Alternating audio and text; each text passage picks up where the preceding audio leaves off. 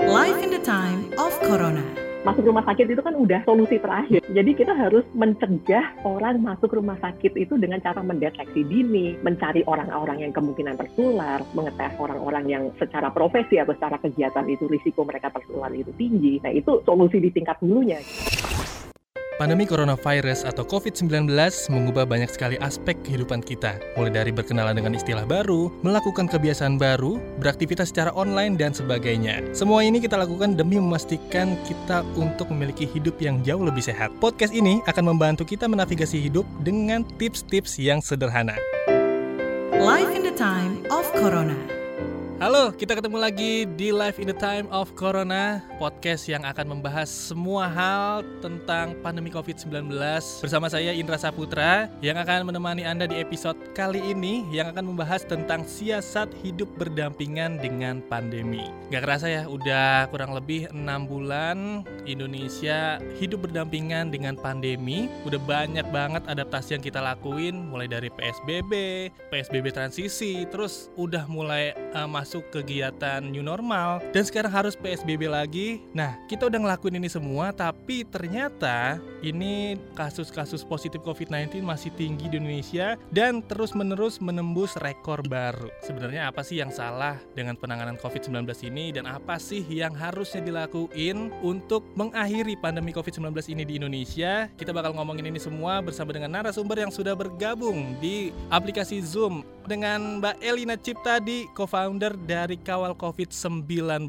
Halo Mbak Elina. Apa kabar? Kabar baik Mbak di Jakarta. Gimana nih di Singapura? Singapura aman, Aman. saya dan keluarga sehat ya. Nah, mm, mm. Mbak Elina kan tinggal di Singapura. Gimana nih Mbak perbandingan antara Singapura dan Indonesia? Kalau dari kacamata Mbak Elina. ya memang berbeda sekali ya realitanya di Singapura dengan di Indonesia sekarang gitu. Jadi waktu itu pernah tuh kasus harian Indonesia dan Singapura itu Hmm. Kurang lebih sama gitu jumlahnya gitu malah Singapura lebih tinggi gitu. Nah tetapi kurva di Singapura itu sekarang sudah menukik jadi sudah landai. Jadi sehari itu kita ada beberapa puluh kasus. Hmm. Tetapi kebanyakan kasusnya itu pun kasus impor. Jadi karena uh, pemegang visa kerja itu Hmm. mereka baru datang ke Singapura. Kemudian ketika di karantina, dites, nah di situlah mereka uh, ketahuan kalau mereka itu positif. Nah tetapi toh ketika mereka baru datang ke Singapura itu semua orang nggak peduli itu warga negara Hmm. atau pemegang visa kerja atau lainnya gitu, itu mereka harus karantina. Sehingga kalau kasus-kasus itu pun ketemu, itu ketemu sebelum orangnya itu dilepas untuk boleh jalan-jalan Hmm. gitu. Jadi kasus saya itu terisolasi di situ aja. Jadi penularan di masyarakat itu sudah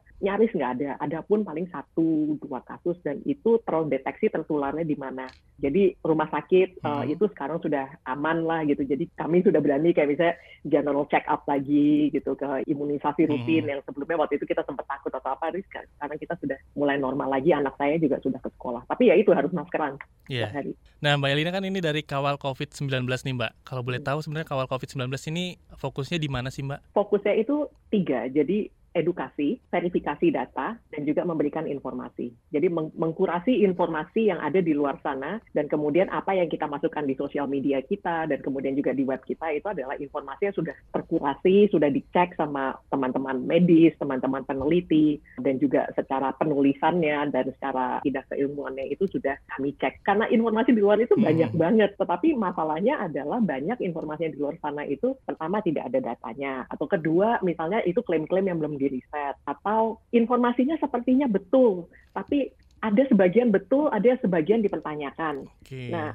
kita kan nggak tahu di luar sana tuh orang bisa membedakan nggak gitu, mana yang sahih, mana yang enggak. Dan kemudian ada juga yang informasinya itu sahih gitu ya, tetapi kita nggak tahu sumbernya dari mana. Jadi akhirnya kita membantu mengkurasikan supaya apa yang ada di kanal-kanal kami itu adalah informasi yang terpercaya dan Hmm. ada basis datanya atau ada basis risetnya itu deh.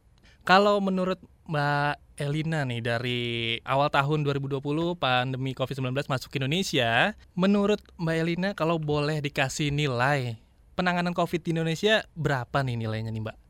Sulit ya untuk ngasih nilai ya karena um, Indonesia itu kan negaranya besar ya Hmm. dan setiap daerah itu ada di fase yang sedikit berbeda uh, tentang pandemi ini. Jadi misalnya kalau kayak kita ngomong misalnya NTT gitu, Hmm. uh, NTT dengan misalnya Jakarta gitu, DKI tentunya aja nggak bisa dibandingkan gitu ya negara kepulauan yang jumlah mobilitas yang mobilitas penduduknya jauh lebih rendah daripada DKI.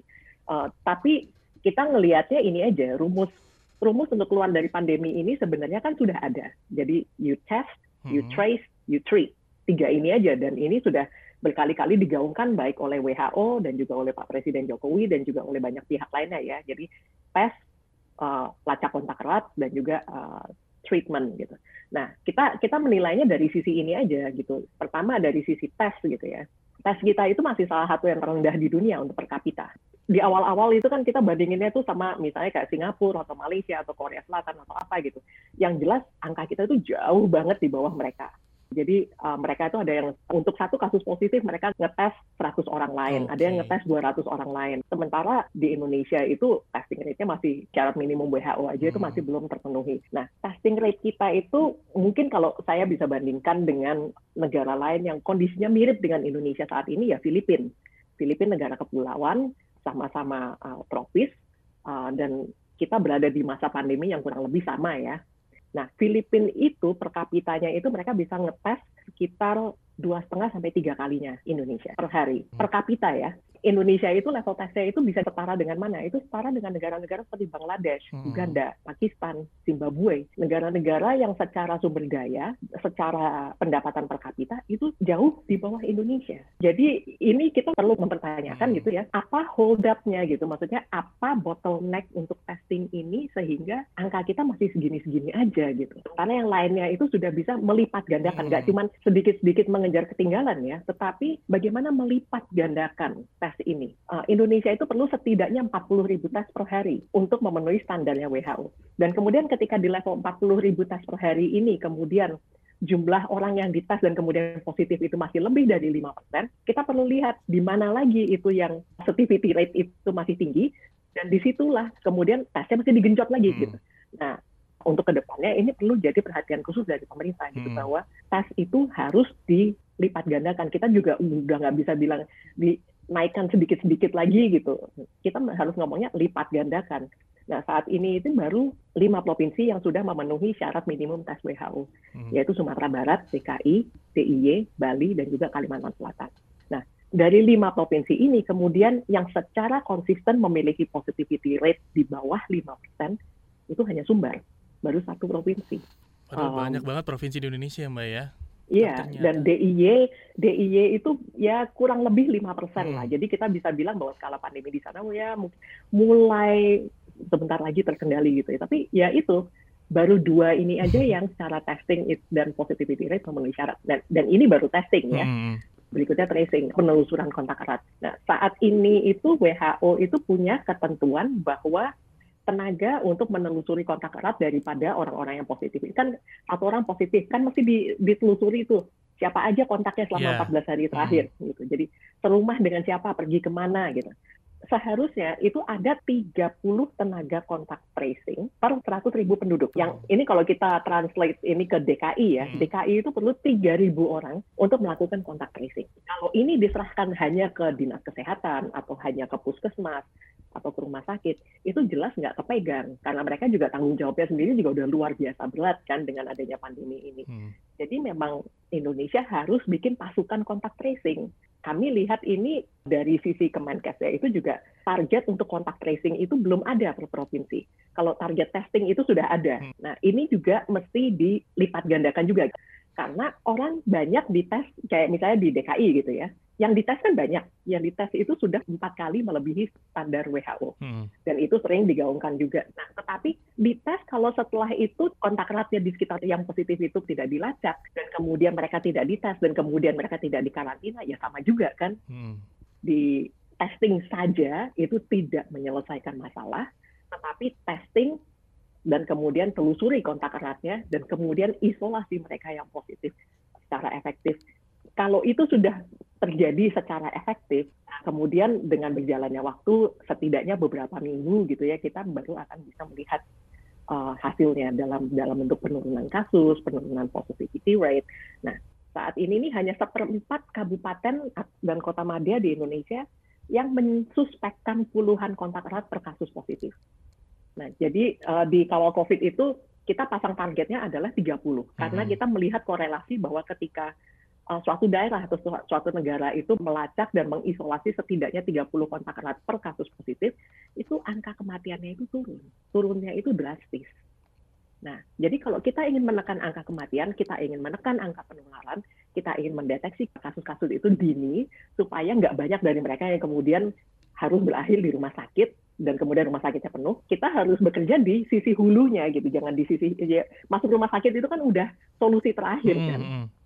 Jadi kita harus mencegah orang masuk rumah sakit itu dengan cara apa? Mendeteksi dini, mencari orang-orang yang kemungkinan tertular, mengetes orang-orang yang um, secara profesi atau secara kegiatan itu risiko mereka tertular itu tinggi. Nah itu itu solusi di tingkat hulunya. Hmm. Jadi kalau kita cuma nambah-nambah bed di rumah sakit, tapi hulunya itu nggak nggak nggak dikerjain ya uh, pandemi ini masih akan, akan lama. terus bertambah Dan, ya.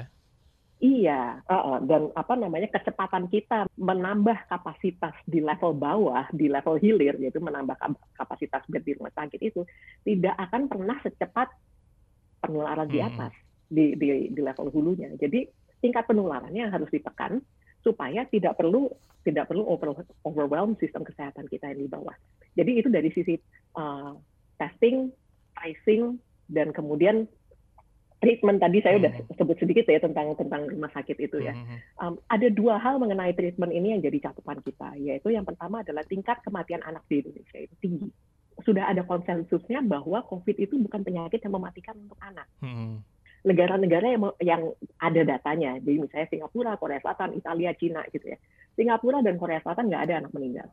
Di China itu ada, ada pun gitu ya, satu dua orang di Italia ada pun satu dua orang gitu. Jadi hitungan jari gitu ya. Hmm. Nah di Indonesia satu setengah persen dari anak usia 0 sampai 5 tahun yang terkena COVID itu meninggal. Dan kemudian di anak usia sekolah 6 sampai 19 tahun itu 0,72 persen. Nah kalau di rata-rata katakanlah satu persen gitu ya. Hmm. Dan kelihatannya satu persen ini angka yang rendah kelihatannya ya.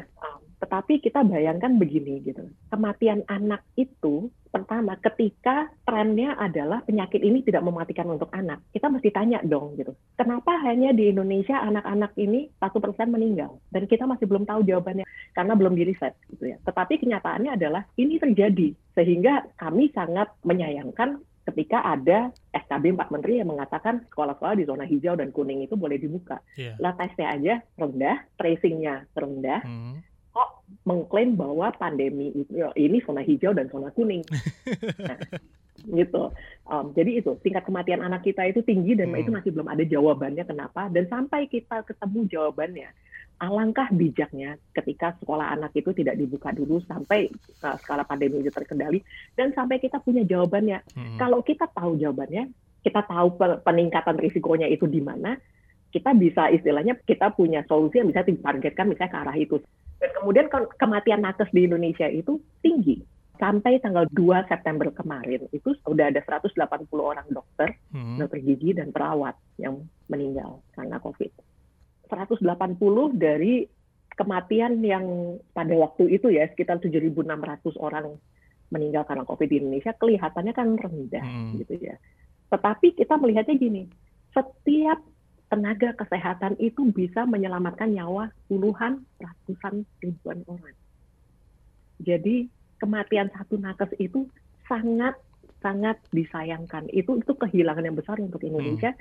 di saat Indonesia itu sangat membutuhkan tenaga mereka gitu. Karena kita memasuki pandemi ini aja itu sudah dengan kondisi uh, jumlah dokter per kapita kita itu tiga kali di bawah misalnya Italia dan kita tahu apa yang terjadi di, di Italia gitu di Italia itu sistem kesehatannya juga sempat kolaps kan gitu jumlah bed per kapita mereka jumlah dokter per kapita uh, mereka itu lebih baik daripada hmm. Indonesia nah jadi kita sudah memiliki beberapa ketimpangan ketika pandemi ini terjadi dan kemudian enam bulan setelah pandemi itu nakes masih saja berguguran dan ini kita perlu tanda tanya besar ini bolongnya di mana. Hmm. Bolongnya di mana? Apakah mereka itu terlalu capek? Uh, apakah APD mereka itu tidak terpenuhi atau apa gitu? Nah, dan ini perlu jadi catatan karena nakes harus jadi prioritas untuk dilindungi.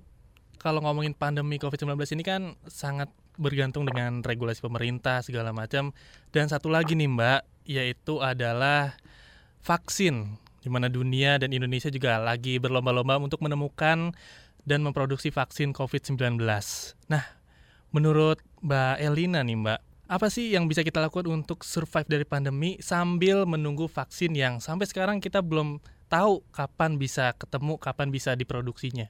Uh, kalau dari kami, itu posisi kami itu jelas bahwa tidak ada jalan pintas keluar dari pandemi. Hmm. dan kita tidak bisa mendahului ilmu pengetahuan gitu. Jadi uji klinis itu perlu dilakukan dilakukan dengan berhati-hati. Jadi jangan disuruh cepat-cepat tapi hmm. kemudian hasilnya nanti kita nggak nggak tahu gitu ya. Ada banyak pernyataan dari para ahli gitu bahwa vaksin itu bukan jalan instan mengakhiri pandemi ya kalau misalnya tahun depan sudah ada. Kalau hmm. misalnya kita harus nunggu sampai akhir tahun depan, kalau misalnya kita harus menunggu sampai 20, 2022 itu kemudian solusinya gimana? Kita duduk-duduk nungguin aja vaksin. Dan kemudian vaksin itu katakanlah sudah diuji klinis, lolos uji klinis dan segala macam, produksinya sendiri dan kemudian logistiknya, hmm. distribusinya ke orang-orang yang membutuhkan di seluruh Indonesia dan kemudian untuk menyuntikkan itu ke 70-80% warga Indonesia supaya kita bisa punya yang namanya herd immunity hmm. by vaccine itu, itu kan juga semuanya itu perlu waktu. Jadi kita nggak bisa hanya mengandalkan vaksin sebagai jalan keluar itu bukan jalan instan mm-hmm. dan uh, dan itu masih lama. Jadi memang mau tidak mau di level pemerintah itu yang namanya testing, tracing dan treatment itu tetap harus jadi prioritas. Nah dari sisi masyarakatnya ya yang bisa kami ini yang bisa kami suarakan adalah jaga diri, hmm. jaga orang-orang terdekat dan jaga lingkungan terdekat. Jadi kalau pemerintahnya itu kita minta melakukan 3T dengan masif, kita harus melakukan 3M dengan masif yaitu mencuci tangan, menggunakan masker hmm. secara benar dan kemudian juga menjaga jarak dengan orang lain. Um, dan juga industri perlu melakukan bagiannya juga yang kami kami katakan itu buat kebijakan yang mengurangi 3K, yaitu mengurangi kerumunan, mengurangi kontak erat, dan juga mengurangi kamar atau ruang tertutup. Kita harus sama-sama punya solidaritas, saling menjaga supaya kita bisa keluar dari pandemi ini bersama-sama. Oke, berarti antara pemerintah, masyarakat dan juga industri sebenarnya harus saling menguatkan, saling mendukung programnya masing-masing ya Mbak ya untuk mengurangi Betul. atau bahkan kalau bisa menghilangkan pandemi dari Indonesia ini. Dan terakhir nih Mbak, karena waktu kita singkat banget, saya pengen tahu tiga siasat utama untuk hidup bersama pandemi ala Mbak Elina nih. Nah, ini ini dari perspektif saya yang sebenarnya hidup di Singapura pun sebenarnya sudah relatif normal ya, hmm. ya dengan beberapa dengan beberapa adjustment, dengan beberapa modifikasi. Tetapi ada beberapa hal yang kami lakukan dengan sadar tanpa disuruh oleh orang lain. Yang pertama adalah kami mengurangi kontak erat secara sadar. Jadi kami sudah bisa keluar, kami sudah bisa ketemu dengan orang lain, tapi kami mengambil keputusan kami hanya akan kontak dengan empat keluarga. Yang istilahnya anak saya main dengan anak mereka hmm. dan saya dan suami kenal dengan mereka gitu ya. Jadi istilahnya keluarga satu satu kita ngundang keluarga yang ini untuk makan. Hmm. Uh, kemudian misalnya kita mau pergi ke pantai atau apa, kita pergi dengan keluarga yang ini. Sehingga ya knock on wood dia nggak kejadian, tapi misalnya salah satu dari kami kemudian misalnya hmm. tertular, hmm. terpapar gitu ya. Setidaknya kontak erat kami hanya udah segini. Kelihatan ya Mbak ya. Oke. Okay. Uh -uh, sudah dan sudah kelihatan karena kami hanya bersosialisasi dengan orang-orang ini dan ini beberapa dari orang ini juga satu kantor sama suami hmm. saya. Walaupun kita semuanya kerja di rumah, tapi kadang-kadang eh ngumpul ngopi di mana untuk ketemu, untuk untuk meeting, untuk bahas kerjaan gitu ya. Nah itu sesuatu yang kita masing-masing bisa lakukan. Memang tidak mudah dan bagi kami itu juga untuk bisa mencapai ini, kami butuh waktu beberapa bulan untuk, aduh ketemunya sama orang yang ini lagi, ini lagi, ini lagi gitu. Tapi um, ya daripada karena ketika kita terpapar kita tidak bisa memilih kita dapat virusnya itu jumlahnya banyak atau sedikit. Jadi itu yang bisa dilakukan. Uh, yang kedua adalah kami mencari banyak kegiatan yang bisa dilakukan bersama-sama di rumah. Jadi kita cari hobi baru. Jadi misalnya selama masa pandemi ini gitu. Jadi saya dan anak saya misalnya kami belajar gambar, belajar melukis. Ya kita gunakan waktu yang kita banyak di rumah ini untuk belajar sesuatu, sesuatu yang baru yang syukur-syukur berguna ketika nanti kita sudah keluar dari pandemi ini gitu ya. Dan kita butuh mengisi waktu ini karena kalau kita terus-terusan ngecek TV, ngecek medsos ya jadi frustrasi sendiri hmm. juga. Pada okay. akhirnya kita yang bertanggung jawab untuk keselamatan diri kita dan keluarga kita. Dan itu yang bisa kita lindungi entah uh, apa keputusan dan kebijakan kebijakan dari pemerintah. Oke, satu lagi Mbak, yang terakhir. udah dua aja paling adalah ya ini kita berusaha untuk makan yang sehat ya jadi okay. kita berusaha untuk uh, tidur cukup uh, makan bergizi uh, di mana kita tidak bisa memenuhi kebutuhan nutrisi dari makanan ya kita ambilnya dari vitamin gitu um, sama ya ini tidak tidak lelah mengingatkan orang-orang di sekitar kita bahwa uh, pandemi ini masih panjang gitu hmm. jadi jangan jangan pernah berpikir bahwa dua tiga bulan lagi ini sudah selesai gitu. Melihat tren di Indonesia itu kita in, ini maraton, ini maraton. Jadi jangan berpikir bahwa ya jangan berpikir dan berencana bahwa ini cuma dua tiga bulan ke depan. Saya juga di Indonesia punya punya usaha kecil-kecilan hmm. yang kami juga udah berpikirnya adalah kemungkinan hari ini tahun depan ya masih seperti ini kemudian bagaimana? Kalau misalnya masih dua tahun lagi, bagaimana hmm. gitu? Ya kalau misalnya lebih pendek dari itu dan misalnya akhir tahun ini sudah kelar, ya syukur gitu. Uh, tapi kita harus ya ini berpikirnya adalah ini napas kita harus panjang. Oke, Mbak Elina sehat selalu Mbak Elina. Terima kasih untuk sharing-sharingnya. Terima kasih Mbak Elina. Sama-sama Mas Indra. Terima kasih juga untuk kamu yang sudah mendengarkan podcast Live in the Time of Corona episode kali ini. Untuk ide dan masukan silakan email ke podcast at kbrprime.id. Tulis di bagian subjeknya podcast Corona. Jangan lupa juga untuk ikuti podcast yang cocok untuk curious mind Anda di kbrprime.id atau platform mendengarkan podcast lainnya. Jangan lupa juga untuk follow Instagram kita di @kbr.id. Saya Indra Saputra, sampai ketemu di episode selanjutnya. Salam. Life in the time of Corona.